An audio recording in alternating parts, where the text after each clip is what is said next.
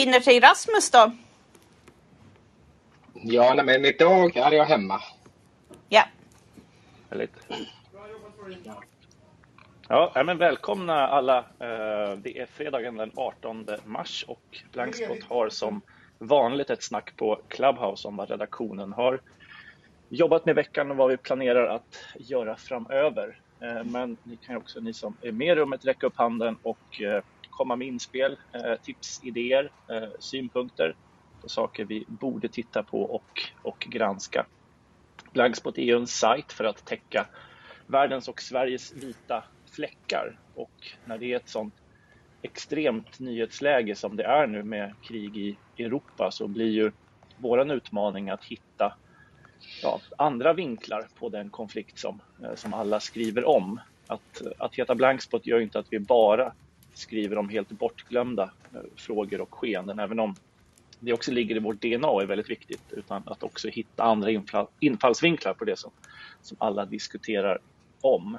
Eh, jag tänkte börja där för att jag läste precis och publicerade en artikel av dig Rasmus om hur eh, Rasmus Kahnbäck som då bevakar länder österut om, om Sverige. Eh, hårda repressalier i, i, Ryssland, nya lagar, eh, kriget som kommer i krigets eh, kölvatten har ju fått många ryssar att fly landet. Och du skrev en artikel om det som jag tycker är så härligt blankspottig. i att hyrorna i Armenien har nu drivits upp eh, av den här stora ryska migrationen in i, in i Armenien. Eh, kan du inte berätta om det Rasmus? Vad är det som händer och vad säger människorna som, som du har pratat med?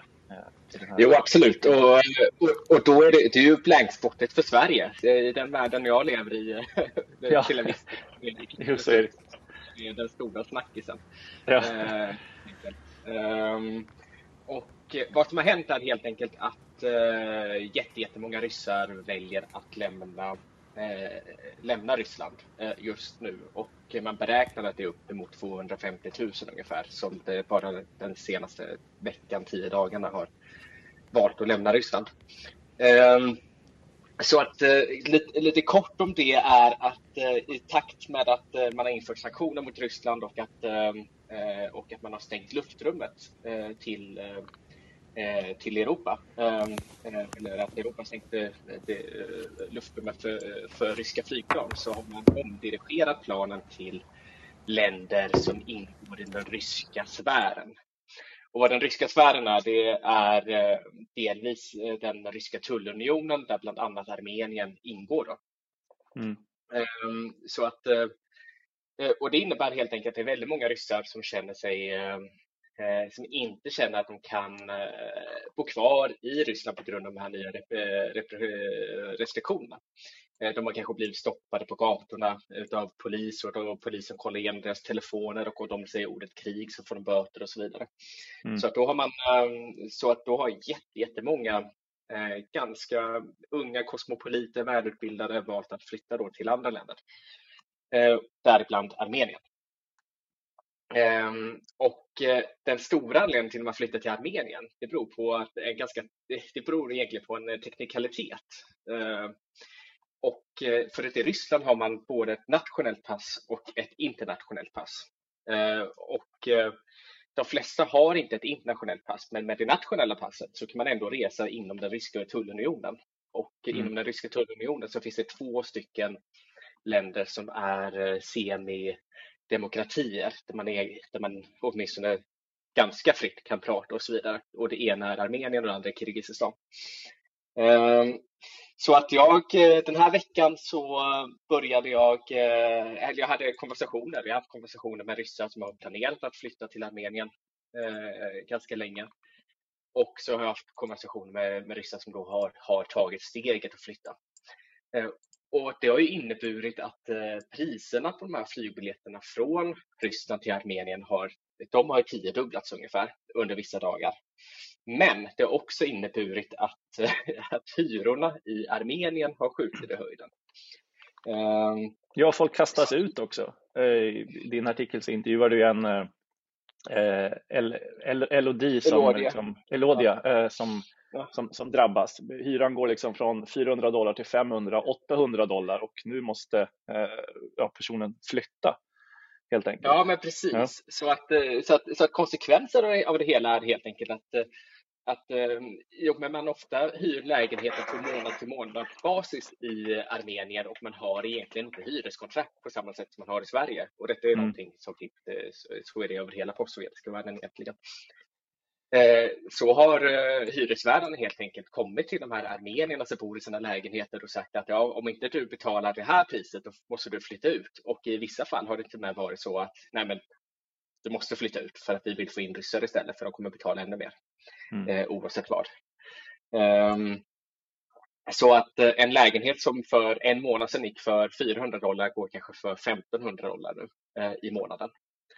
Um, oh, ja, så att det är verkligen, det, det, det drabbar så att, så att de här 60 000 ryssarna då, som har flyttat till, till Jerevan de har ju också problem för att de, rubeln faller och de har ofta jobb där de jobbar på distans och de får betalt i rubel och så vidare. Så att det, Eh, det, det, kommer nog vara en period nu under på veckor där det är ganska kaotiskt eh, mm. i, eh, i Armenien och i Georgien och även i Kirgizistan där hyrorna fluktuerar otroligt mycket. Upp, uppstår det liksom en diskussion liksom bredare i Armenien att man tycker att nej men herregud, kom inte, kom inte hit och, och med era, era pengar och driva upp hyror och, utan eh, Nej, ja. men det här är ganska intressant. Eller, eller känner man att... solidaritet att självklart nu när läget är som det är så ja. vi. Eller hur, hur ser diskussionen Nej, men eh, det, det, är ganska, det, det, där, det är en ganska väsentlig fråga för att om vi kollar på Georgien till exempel när man har varit i krig mot Ryssland mm. Eh, så, så är ganska många georgier, de är russofober eller man ska uttrycka det som, eller de, de gillar inte när ryssar kommer till Georgien på grund av mm. att eh, Ryssland då har invaderat Sydossetien och eh, Abchazien så som de ser det. Mm. Eh, Ossetien och Abchazierna ser ju annorlunda på den saken. Men i Armenien eh, som själva genomgick krig 2020 och eh, är i en ganska nära allians med Ryssland men också är beroende av det ryska inflytandet för att kunna eh, behålla eh, Nagorno-Karabach-regionen. De ser ju samtidigt de är mycket mer ambivalenta gentemot eh, mm. relationen till Ryssland. Hur, hur ska vi förhålla oss till Ryssland? Hur ska vi förhålla oss till ryssarnas kommer nu? Men de flesta eh, verkar ändå visa en ganska stor sympati mot de ryssarna som flyr mot Ryssland, eh, från Ryssland till Armenien. Um, och eh, jag tycker ändå att den, den, dynamiken är ganska spännande för att, eh, för att det, det medför en hel del problem för dem så att det skulle kunna vara så lätt det, det, skulle kunna gå så himla lätt ut först. Det skulle kunna bli att armenierna, oj, kom inte hit era, era ryssar, åk hem igen, mm. vi vill inte ha er här. Eh, men de flesta människorna förstår ändå ryssarna och vreden har egentligen riktats mot hyresvärdarna som utnyttjar situationen. Ja, ja, ja. Eh, och då är det många hyresvärdar som inte höjer priserna också, ska vi säga. Mm. Ja, eh, superspännande. Eh, ni som är nytillkomna i rummet så är det Blankspots veckosnack eh, då vi pratar om vad som vi har publicerat och är på gång att publicera. Eh, och jag pratar just med Rasmus Kahnbäck som har skrivit en artikel Flykten från Ryssland driver upp hyrorna i Armenien och vi försöker ju bevaka detta krig i Europa eh, på vårt sätt och med våra begränsade resurser och hitta andra vinklar på, på utvecklingen som som, som kriget i Ukraina skapar. Eh, är det någon som vill eh, bidra med någonting till, till det vi diskuterade precis nu så är det bara att räcka upp handen. Annars så tänkte jag, Britt Stakston som bevakar digitalisering och, eh, ska man säga, eh, det, det cyber, cyberkriget och det digitala slagfältet här, eh, som som också är en del av det här kriget. Eh, I morse var du med i Nyhetsmorgon och kommenterade Arnold Schwarzeneggers film, eller hans filmklipp, där han berättar om sin kärleksfulla relation till, eh, till Ryssland och vad ska man säga, försöker nå fram till de ryska soldaterna och, och få dem att ja, de facto lägga ner, lägga ner vapnen. Eller vad, vad tänker du som liksom, mm. digital strateg när du såg, såg eh, Arnolds film. Vad tror du är tanken bakom den och tror du att, att det kommer fungera? Ja, alltså det är ju ännu ett exempel på en mängd olika sätt där vi alla har en idé om att tänk om man bara kunde nå fram till den ryska befolkningen med sanningen. Eh, och om man då analyserar just det här klippet speciellt så eh, är ju eh, historieberättandet väldigt centralt. Det är, ju, det är ju nästan tio minuter, men man kan ju inte, man kan inte låta bli att eh, titta färdigt på det, för man vill höra hela berättelsen. Och den är ju som du säger, det är en stark kärlek till det ryska folket, att han vill lyfta upp att det här är Eh, ett land fyllt av historia och väldigt stolta människor och eh, gör en stor poäng av att det här är Putin och Kremls krig och eh, vill på olika sätt lyfta fram sin egen relation till Ryssland, bland annat genom en, en tyngdlyftare som han träffade när han var 14 år. Eh, och, och sen är det ju väldigt mycket den här ansatsen som också präglar Zelinskis kommunikation. Två dagar innan invasionen vände sig ju Zelinski en av de många gångerna direkt till den ryska befolkningen också. Eh, och, och eh, vädjade om att inte ehm, just att det här är, inte är en, en, kamp mot det ryska folket utan att det är Putin och Kremls invasion. Och jag, om man eh, tittar på berättandet, vikten av att liksom inte komma med bara fakta eller rationella argument för att förflytta dem som i det här fallet också har årtionden av propaganda och är ganska fast övertygad om en verklighetsbild byggd på den desinformation och propaganda som man själv har utsatts för. Så är det ändå Eh, det kommer aldrig kunna göras med bara fakta och rationella argument och då blir de här personliga referenserna eh, säkerligen väldigt kraftfulla för den som eh, det kan nå fram till.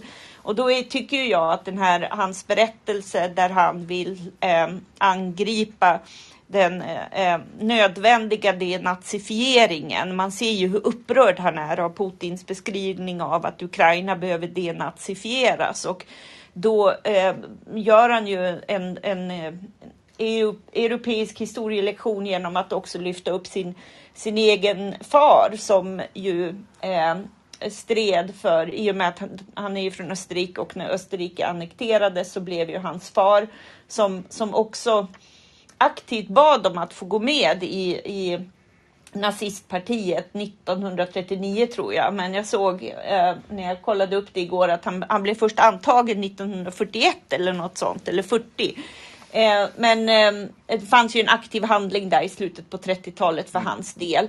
Men, men i övrigt är ju inte han dokumenterat. Han var en soldat så att säga. Men det eh, Schwarzenegger lyfte fram var ju hur han uppumpad av de nazistiska lögnerna befann sig i Leningrad. Och sen gör han då en snygg övergång till att hans far sen för resten av sitt liv eh, hade krämpor och eh, hade dåligt samvete. Och, och, det är ju som, som du säger att han riktar sig mycket till soldaterna och vädjar om att inte ta del i, i det här kriget som inte eh, baserar sig på eh, eh, ja, de utgångspunkter som Putin och Kreml har utan att man ska eh, sluta kriga helt enkelt.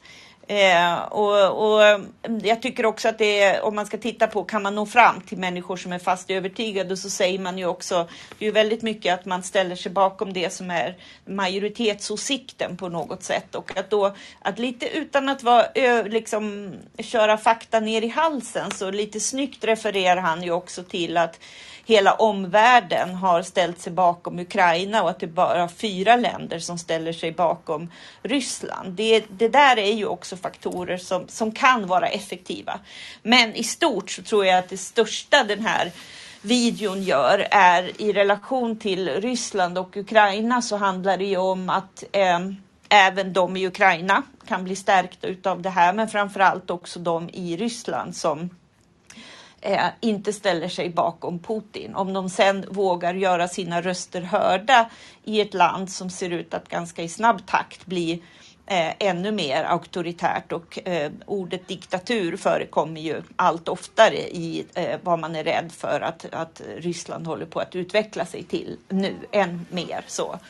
Eh, och sen tänker jag mig att det är väl ett inspel i den amerikanska kontexten också där man just nu ju har rättegångar mot de personer som var med i stormningen av Kapitolium. Och det är ju samma faktor. Det, det nämns ju kort i videon, vilket är apart i sammanhanget. Eh, men, och det tror jag att det handlar om att, att titta på den filmen som eh, eh, amerikan är ju också en lektion i hur desinformation och propaganda ser ut. Och där kanske den riktigt kan göra nytta på de som kände att de drogs med i något.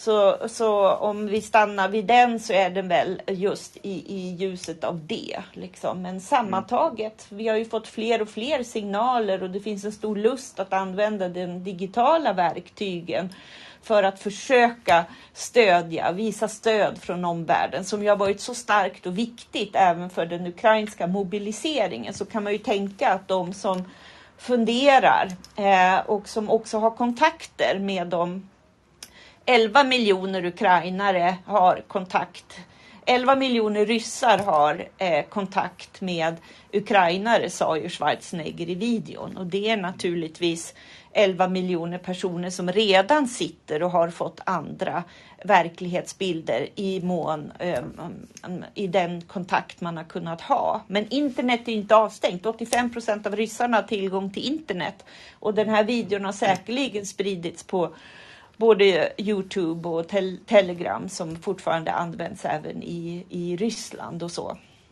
Mm.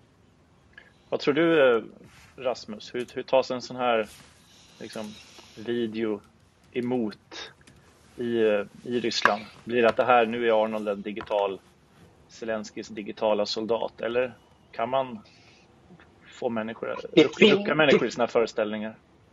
Ja, alltså jag tror att det finns lite olika aspekter i det hela.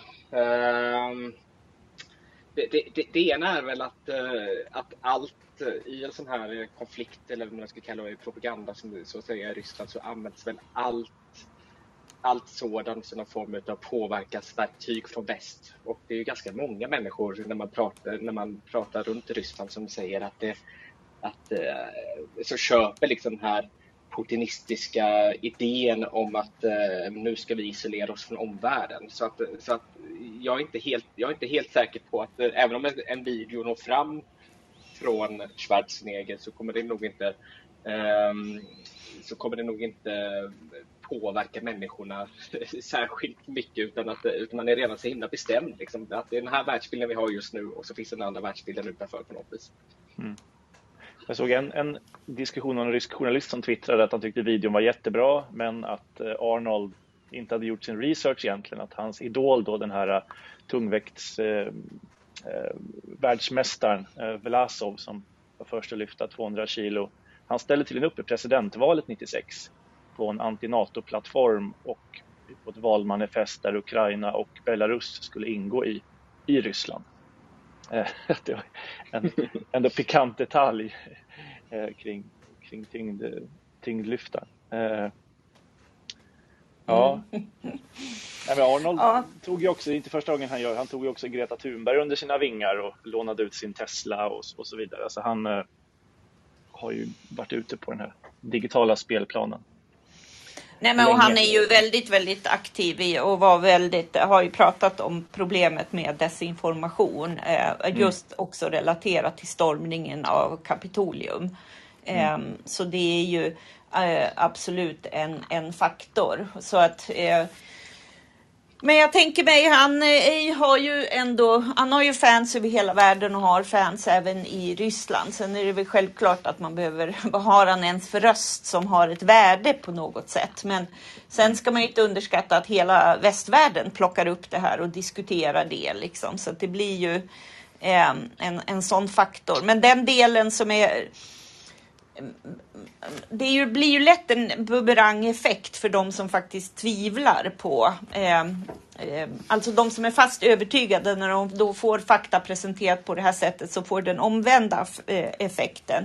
Och där kan väl just det här faktumet att han eh, pekar ut hur många som har dött och han vill vara den som berättar, det vill säga hur dåligt det går i kriget. Just mm. den faktorn kan man ju verkligen känna att den studsar ju, den plockas ju bara upp av de övertygade som en reflektion om att det där är ju bara en motsatt propaganda av det slaget som de själva hör i så fall. Liksom. Att, de, att man förstår det, den aspekten. Liksom. Mm. Men sammantaget är det ju intressant hur en digital arena... det här är ju jag menar, alla krig idag är hybridkrig som också utförs på den digitala arenan. Men jag skrev ju tidigare en text förra veckan om just att för nu är det ju så mycket diskussion om Zelensky och att det är någon slags manipulation som pågår för att han är en sån duktig skådespelare och allt sånt. Och det är klart att vi i en efteranalys kommer kunna göra en reflektion att jösses, den här Eh, personen som har fått tillgång till alla världens eh, finrum. Det brittiska underhuset har aldrig haft en internationell ledare i någon konflikt på plats i rummet. Liksom eh, och får det och det går inte att värja sig mot hans personliga tal. Men där är just framgångsfaktorn att han försöker reducera det till liksom det. Ukrainas kamp är också hela världens kamp och vädjar till människor att äh, göra att människor ska agera utifrån sitt bästa jag så att säga. Men det man sammantaget behöver förstå, det är ju hur digitaliserat och hur digitaliserat i framkant Ukraina är. Eh, och det är ju det som har synts. Eh, deras digitala transformationsminister som har haft det uppdraget i två års tid är ju väldigt centralt i det här och är ju en av de, av de fem väl närmaste medarbetarna som Zelensky har. Så att, eh, och då ska man ju se att de har ju verkat i en miljö där de har fått hantera desinformation och propaganda och var väldigt väl förberedda på den ryska som skulle komma. De var väl till och med proaktiva och var ute innan det ens fanns ett exempel på en trubbig deepfake-film och menade det här kommer komma. Så de har ju varit väl förberedda för de digitala aspekterna av eh, eh, kriget och eh, har ju också rekryterat en civil armé av eh, digitala eh, efterfrågat digital expertis för att hjälpa till att hålla koll på, på flödet och agera som en slags digital armé. Så där har vi också en spännande text från ukrainska Anna som Eh, Eh, berättar om den här vibrerande eh, IT-landet och den stolthet hon känner över hur långt i framkant Ukraina låg och eh, berättar mer om vad som är idén med den här cyberarmén som man ju har rekryterat. Och nog är det väl kanske första gången man ser en crowdfunding som är möjlig för var och en att bidra till vapen i Ukraina till exempel. De finns ju verkligen på alla plattformar hela tiden och mm. det har varit en plan eh, från eh, första början. Mm. Och det, I eh. den text som jag, jag länkar så, så skriver jag också att Ukraina är första nationen i världen som gav digitala pass samma status som traditionella ja. papperspass. Ja. Eh, och ett av endast fyra europeiska länder med digitala körkort och under pandemin hade man digitala verktyg för smittspårning och digitala covidintyg. Eh, och så här har det sett ut länge och det lite förklarar eh, också att man befinner sig liksom, ganska långt fram vad gäller att ha ett digitaliserat samhälle. Det ja. och, det, en, och det har jag funderat över för jag har ja. börjat se de flesta unga som vittnar om vid gränserna att de har ju bara sitt pass i den här appen. Mm, mm. Hur det funkar. Nej. Och hur det då funkar framöver. Ja. En detalj, Niklas Orenius skrev en, en krönika. Han hade fått en parkeringsbot nu i Ukraina eh, mm. och skrev en krönika om det, att liksom, den här vardagen i kriget, att han betalade den liksom vördnadsfullt. Men också på den parkeringsboten var en QR-kod som man skannar med sin mobil och sen betalar han sin parkeringsbot. Eh, ja, nej, det, det, är väl en, en av pusselbitarna till att förstå eh, det liksom enorma digitala genomslaget verkligen. Eh. Ja, det kommer, eh, det kommer vara ett, eh, ett stort underlag även för forskning framöver och man är ju fortfarande mitt i det. Och, mm. sen får man ju hoppa, liksom, det är ju spännande att se på mediebevakningen så känner man ju att det kanske går lite för snabbt mellan de, de uppdateringar som görs mm, i, i, det skede som den digitala kommunikationen från den ukrainska sidan mycket handlar om att, att uppehålla modet och mobilisera människor att fortsätta kämpa för sitt land så blir det ju naturligt att man inte pumpar ut hur många som dör varje minut eller så. Det, det har man ju inte gjort liksom och där blir det ju journalistikens jobb att försöka eh, vänta ut de siffror som är möjliga att få fram och lyfta fram när det finns. Men ibland går det ju snabbt ser man som mm den här attacken mot teatern nyligen så var ju kommunikationen att tusentals hade dött.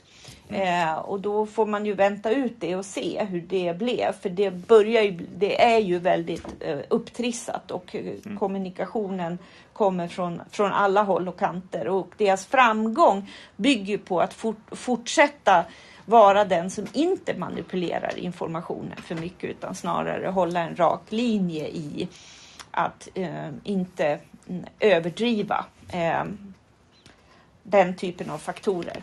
Det är illa nog som det är eh, och så. Nej, verkligen. Hur, hur, ser, hur ser den diskussionen ut från ditt perspektiv Rasmus? De du, de du pratar med. Där hur eh, liksom, är det ens möjligt idag att, eh, att, att, så att säga, skilja vad är, vad är propaganda från, från verklighet, även när det gäller det som då kommer från, eh, från, från Zelensky så att säga och, och ukrainska källor. Eller hur, hur ser ja, du på alltså, det? Hantera det? Ja, men jag har kontakt med ett gäng, eh, gäng journalister i Ukraina och det, det, det är ju eh,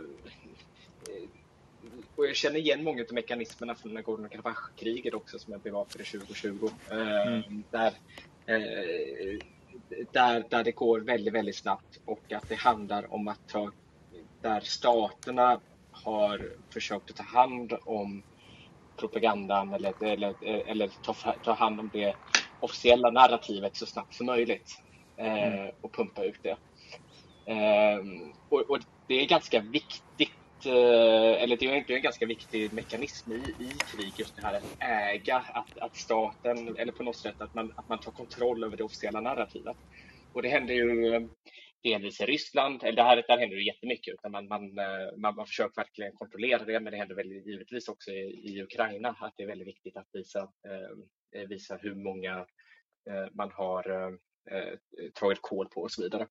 Mm. Men en ganska intressant aspekt som jag har är att jag har, jag har ju kontakt med en kille i Donetsk. Mm. Eh, nu sa jag det med det ryska uttalet. Eh, du, du skrev en fantastisk artik artikel om det som är en av våra liksom, mest lästa här den, de senaste veckorna som eh, hade eh, rubriken se här, eh, jag kan lägga upp den i, i chatten. Ibland är krig enda utvägen, där du hör folk mm, precis. sidor. Ja.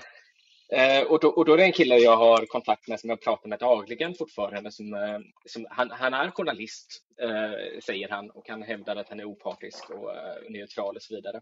Men han arbetar samtidigt som eh, kameraman för presidenten i Donetsk. Mm. och för honom är det ju ganska viktigt att få ut information, så att han är ju ganska rapp på att berätta för mig när det händer grejer. Mm. Och det är ju inte en, det är inte en källa som jag kan eh, på ett trovärdigt sätt hänvisa till, eh, givetvis. Eh, och häromdagen så menar han att det var en, en raket som slog ner i centrala Donetsk där det mm. dog 26 människor. Och det finns väldigt mycket bilder som visar att det ändå har hänt. Och här är en jätteutmaning i och med det är på andra sidan. Alltså vi, vi, det är väldigt underrapporterat vilket typ av eventuella krigsbrott som, som begås i, i Donetsk. Ehm, och de källorna som finns där inifrån går knappt att lita på med tanke på att de, syftet med dem, eller vi vet inte vad syftet är egentligen, delvis är väl att berätta vad som händer. Men mm. är det, berättar de på ett korrekt sätt eller berättar de utifrån det här perspektivet att staten ska äga narrativen i Donetsk? Mm.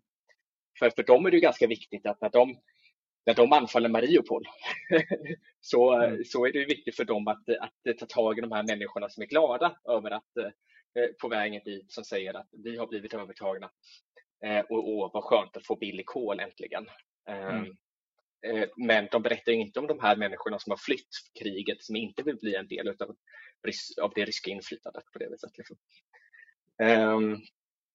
Och det, eh, så det, det, är väldigt spännande att, att lyssna, eller följa den diskussionen, men det är också eh, ganska, det, på något sätt är det också ganska tragiskt att det, att det sker ganska mycket det sker förmodligen ganska mycket bombningar mot, även i Donbass, som inte rapporteras om överhuvudtaget, vilket bygger på att det inte finns några trovärdiga källor där inifrån. Mm. Det är väl som du säger, man får samla de pusselbitarna och sen när det är möjligt verifiera framöver eh, publicera. Men det är väl just den där snabbheten som, som leder till att, eh, att det blir fel. Och å ena sidan är det ju så att det är en, eh, man säger, journalistiken är liksom historiens första utkast och det blir ofta fel i de första artiklarna och rapporterna och sen efterhand så, så, så rättas det till. Men nu är det ett sånt oerhört inflöde av just bilder och uppgifter och, och filmer som gör att det kan bli så att säga, väldigt fel och, och, och väldigt snabbt om man är lite för mm. trigger happy med att trycka på publicera. Och här har ju journalistiken en chans att visa också så här, vad skiljer journalistik från, från allting annat på nätet. Jag menar, det finns ju hundratals telegramkanaler att, att gå med i och få ett, ett flöde från, från bägge sidor om man så vill. Eh, men journalistik är, är något, något annat och det visar sig också att, tycker jag, att din, din text där du verkligen hör folk från bägge sidor här är en av den mest liksom, lästa och delade den, den, den sista tiden. För er som är, är nytillkomna i rummet ska jag säga att det här är Blankspots fredagssnack, eh, veckosnack. Vi pratar om eh, publiceringar, vad som händer, kommande publiceringar. Eh, ni som lyssnar får gärna räcka upp handen och bidra, komma med inspel, tankar eller eh, bara vädra någon fråga eller fundering som, som ni har. Vi har pratat om vår bevakning kring, kring Ukraina, vi har pratat om Arnolds eh, film, vi har pratat om ryssar som flyr till Armenien och om situationen i Donbass. Eh, vi hade en, också en artikel av Lena Bergqvist som tyvärr inte kunde vara med nu eh, i den här sändningen, men hon skrev en text i veckan som handlar om sju bortglömda kriser, det vill säga kriser som pågår lika mycket nu som, som innan det här eh, kriget bröt ut. Eh, hon skrev om kriget i Jemen, om eh, eh liksom konflikternas Afghanistan, eh, den ekonomiska kollapsen i landet, hungersnöden eh, i Afghanistan. Etiopien kommer ju nu siffror att 500 000 människor har dött sedan kriget bröt ut där för 16 eh, månader sedan, eh, uppger en hjälporganisation alltså en halv miljon människor döda i det etiopiska inbördeskriget som vi har bevakat ganska omfattande. Eh, svår torka på Afrikas horn. Vi har också militärkuppen i Myanmar som ju skedde för ett år sedan, men även där ökar våldet mot civilbefolkningen, försämrad eh, vård, ökad fattigdom, också ett oerhört stort antal flykting, ökad antal flyktingar. Och eh, hon skriver också om Syrien då som är inne på 11 år av krig med 13 miljoner människor som är direkt påverkade av det nu. Vi har också Kongo, eh, en evigt försummad kris där ju 80 miljoner människor lever i enorm fattigdom till följd av de mångåriga konflikterna och naturkatastroferna. Och här sker självklart en, en, en nyhetsvärdering och det är någonstans naturligt att de här konflikterna blir också eh, nedprioriterade i i stunder eh, då, då annat bryter ut. Men vi försöker fortsätta bevaka dem. Så gå gärna in och läs den artikeln. Jag kan lägga den här pinnad. Eh, Bortom kriget ur Ukraina. Sju bortglömda konflikter av Linnea Bergqvist som är en väldigt läsvärd text för att få koll på vad som, vad som händer på andra platser. Ja, Britt, du är på väg till eh, Körn, är det så? Eller snart. Vad händer mer? Från Bal ja. Balkan till Halkan. Ja, ja eh, först ska jag prata mera Arnold. Det är efter fem också. Ja. Eh, I TV4. Eh, och eh, sen ska jag åka till Körn över helgen för att prata om eh, demokrati och digitalisering. De har en eh, festival som pågår i, i tre dagar. Så det ska bli kul att ta del av, av det programmet. Mm, så du peppat mig att det är vackert på Körn. Jag eh, har ju besvärande dålig koll på eh, svensk skärgårdsmiljö. Eh, mitt österrikisk-norska ursprung gör ju att jag tillbringar somrar mer där än i Sverige, så det ska bli kul. Du är ju från samma by, säger man så, som Arnold? By. Det är, det, det, det är Österrikes andra största stad. Ja, Arnold och jag är födda i Graz och eh, Arnold och jag älskar Wiener Schnitzel.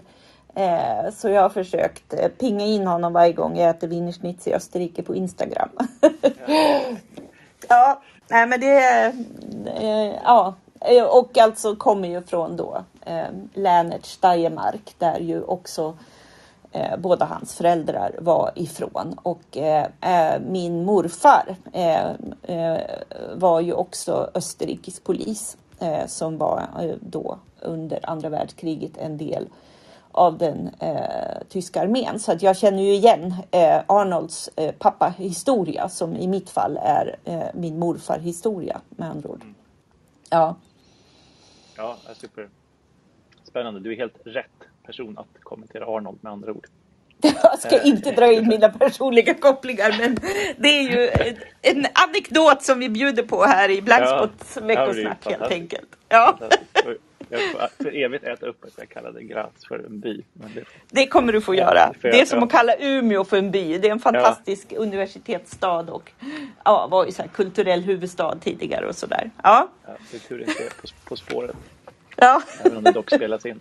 Eh, en annan, jag kommer under eftermiddagen sitta med en eh, snabb guide till de val som sker här närmast i världen. Det är 19 mars är det presidentval i Östtimor, eh, värt att hålla lite koll på. Mm. Eh, den 26 mars är det parlamentsval i Malta. Eh, och sen har vi också den 3 april parlamentsval i Ungern. Eh, alla de valen har, har Linnea skrivit en text om, vad de handlar om, vad som står på spel, vilka som är huvudaktörerna och vad man ska ha lite extra koll på eh, när de länderna, befolkningen i de länderna går till valurnorna. Eh, så den kommer ni kunna läsa om någon timme sådär när jag är klar. Mm. Den, och den kan publiceras. Men du Martin, det slår mm. mig, ska du inte puffa lite för det du gjorde i går eh, kväll apropå att du har skrivit en barnbok om krig och konflikter och så tog ni ett den är ju skriven för en, en tid sedan men eh, det, mm. eh, jag såg att ni hade ett spännande författarsamtal om, om den. Jo men absolut, det, var en, det är en bok som, eh, eller grunden skriven av en eh, brittisk journalist som heter Nicky Walker och illustrerad av Jenny Jordahl som heter så funkar krig och konflikter. Och som en del av den här bonnier serien så funkar det. Man minns dem kanske från man själva barn så funkar elen och så funkar ja, vad det mer var. ja, och det är en sån äh, superaktuell fråga hur man pratar med barn och så. Ja. Verkligen, och då hade jag ett, ett samtal igår med eh, Akademibokhandelns eh, Instakonto som ligger kvar tillsammans med Matilda Westerman som har skrivit Så funkar Sverige och eh, olika också böcker med, med fokus på barns, eh, barns rättigheter. Eh, mitt bidrag till boken är ett antal reportage och artiklar om eh, unga människor i konflikter eh, och personer jag har träffat under reportageresor som kräver demokrati i Thailand eller som krigar på Filippinernas djungler eller sitter i förvar i Sverige och på väg utvisas till Afghanistan. Eh, ja, olika personer som på olika sätt kan berätta om konflikterna och bli ett mänskligt ansikte för de konflikterna som boken handlar om. Men det som är så fint med boken tycker jag är hur den liksom bryter ner det här liksom o, obeskrivbara och kanske bara otäcka i ett barns värld. Okej, okay, men vad handlar det om? Vad bråkar man om? Vilka är aktörerna? Vilka är krigets regler och, och lagar? Eh, den är anpassad då för barn kanske 9 till 12 år, eh, den boken. Men många fina ja, men fina liksom, exempel också på just att medlingens roll och det kan man ju känna igen även i, liksom, i privata eller en klassrumssituation, behovet av medlare i konflikter, hur viktigt det är att ha någon oberoende som, som kan gå in och, och medla. Och det finns ju ett fin, en fin liten berättelse i, i den här boken eh, som då handlar om den klyftiga mamman eh, som har två döttrar som bråkar om en apelsin och bägge vill ha apelsinen. Och eh, hon försöker dela den på hälften och bägge barnen skriker och båda vill ha hela tills hon sen går till rotens kärna. Men vad är det ni vill göra med apelsinen? Ja, den ena vill pressa apelsinsaft och den andra vill riva skalet och göra en parfym. Eh, i, I det enkla så, så säger den ändå någonting om hur hittar man en, en, en, en, en lösning, att liksom någonstans förstå vad, vad konflikten handlar om. Men också så står det mycket i boken om den här typen av konflikter där det faktiskt inte finns en sådan enkel lösning utan att ingen av parterna vill egentligen ge med sig. Eh, och då handlar det för omvärlden, precis som vi ser hända i Ukraina, om att minska det civila lidandet, eh, sätta in humanitära insatser, men samtidigt registrera de krigsbrott som, som begås för att framöver kunna, kunna ställa dem inför rätta. Så att, har ni barn i åldern 9 12 år ungefär så är det en, en jättebra bok i dessa tider. Fakta om, om så funkar krig och konflikter eh, med, med fakta som dansar. Den kan jag tipsa om. Den kom i höstas eh, men är brännande ännu mer aktuell nu än, än när, den, när den kom ut. Mm. Ja, vi börjar runda av det här fredagssnacket. Ni som är nytillkomna nu så kom in på slutet så gör vi det igen nästa fredag 12.30. Pratar om vad som är på gång och vad som kommer publiceras framöver hos, hos Blankspot. Vi har pratat om ryssar som flyr till Armenien, vi har pratat om Arnolds tal, vi har pratat om Zelenskyjs digitala strategi och Ukrainas digitalisering, inbördeskriget i Etiopien och nu på slutet om eh, min senaste bok som är en barnbok som kom i höstas. Är det någon i publiken som har någon, något sista medskick innan vi gör det sista rycket innan helgen? Och vi kan ju passa på att den här kommer som podd också. Precis, man kan lyssna på den som podd. Det här samtalet, ja. Mm. Ja, med det ska vi väl önska en trevlig helg då. Och säga tack för den här gången. Hoppas att vi ses eh, nästa fredag. Mm. Eh, så tack till er som kom. Vänta, det kommit en fråga här nu. Eh, ja. Jonas. Vad heter podden så man kan hitta den? Eh, Blankspots redaktionspodd heter den. Klatschigt namn. Eh, rimligt. Ja, rimligt. Precis. Eh, där finns den, kommer den finnas att lyssna som, som, som podd. Och det kommer också läggas som en puff på, på blankspot.se eh, med, med, länk till det. Yes.